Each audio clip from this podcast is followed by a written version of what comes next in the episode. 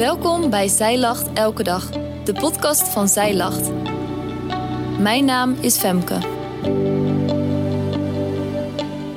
Dit is de overdenking van 18 oktober, geschreven door schrijfster Linda Aalbers. Alles op deze wereld is van de Heere. God heeft rijkdom. Aan sommigen in grote mate en aan anderen in mindere mate.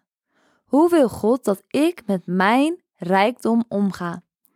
We kijken naar het verhaal van koning Hiskia. Welke vier lessen we kunnen leren van zijn verhaal over rijkdom. We gaan verschillende lessen met elkaar behandelen. En de eerste les is: pas op voor hoogmoed. Hiskia was een koning met veel wijsheid en eerbied voor God. Toen Hiskia op 25-jarige leeftijd koning werd, wilde hij het goed maken tussen God en zijn volk. Dat was zijn mooie en grote verlangen.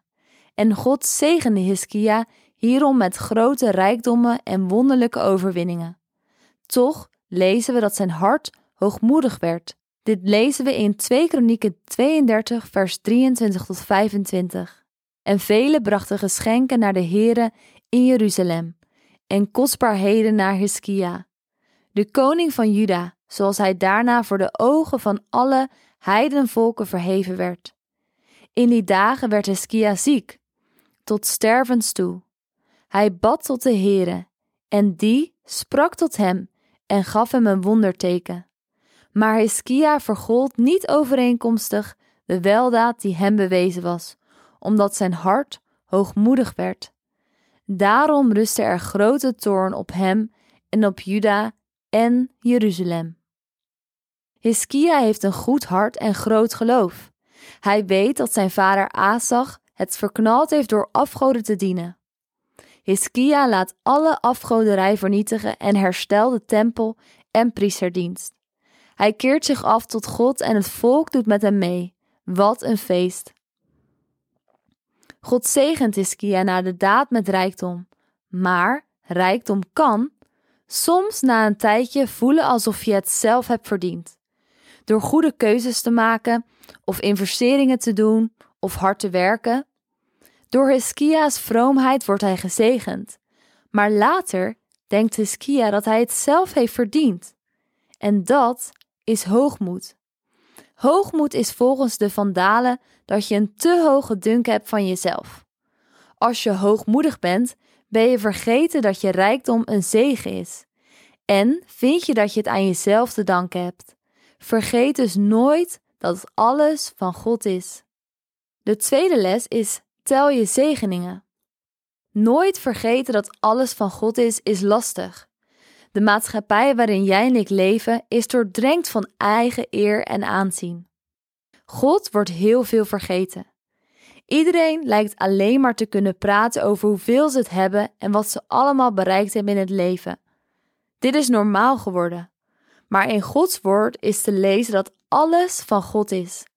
In 1 Kronieken 29 vers 11 tot 12 staat: Van u, Heere, is de grootheid, de macht, de luister, de kracht en de majesteit. Want alles wat in de hemel en op de aarde is, is van Heere, is het koninkrijk en u hebt zich verheven tot een hoofd boven alles. Rijkdom en eer komen voor van uw aangezicht en u heerst over alles. Dat is de norm. God geeft rijkdom. Hij geeft ons dit allemaal uit liefde, zodat wij dankbaar kunnen genieten. Jouw talenten, werk, geld, bezittingen, familie, vrienden en de natuur. Het zijn allemaal geschenken. Of het nu veel is of weinig. Geniet ervan. De derde les is: maak verschil in deze wereld. Laten wij het verschil maken in deze maatschappij. God kan door ons heen en met onze middelen prachtige dingen doen. Sommigen hebben veel en anderen weinig. Deze ongelijkheid komt door de zondeval. Maar wij kunnen de ongelijkheid te lijf gaan door onze tijd en middelen te delen met anderen. Wij hoeven niet te pronken. Wij willen de ander rijker maken. Op die manier kunnen wij een ander geluid laten horen dan de wereld. Jezus maakt mij gelukkig, niet mijn portemonnee.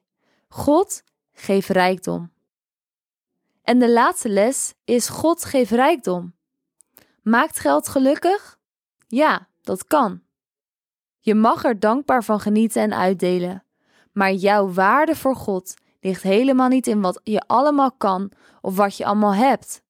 Jouw waarde en jouw identiteit liggen in Christus. Jij bent Gods eigendom, Gods eigen kind, een koningskind. God rekent zich rijk met jou. Hij heeft je gekocht met het kostbare bloed van zijn zoon Jezus. En Jezus kennen is jouw grootste schat.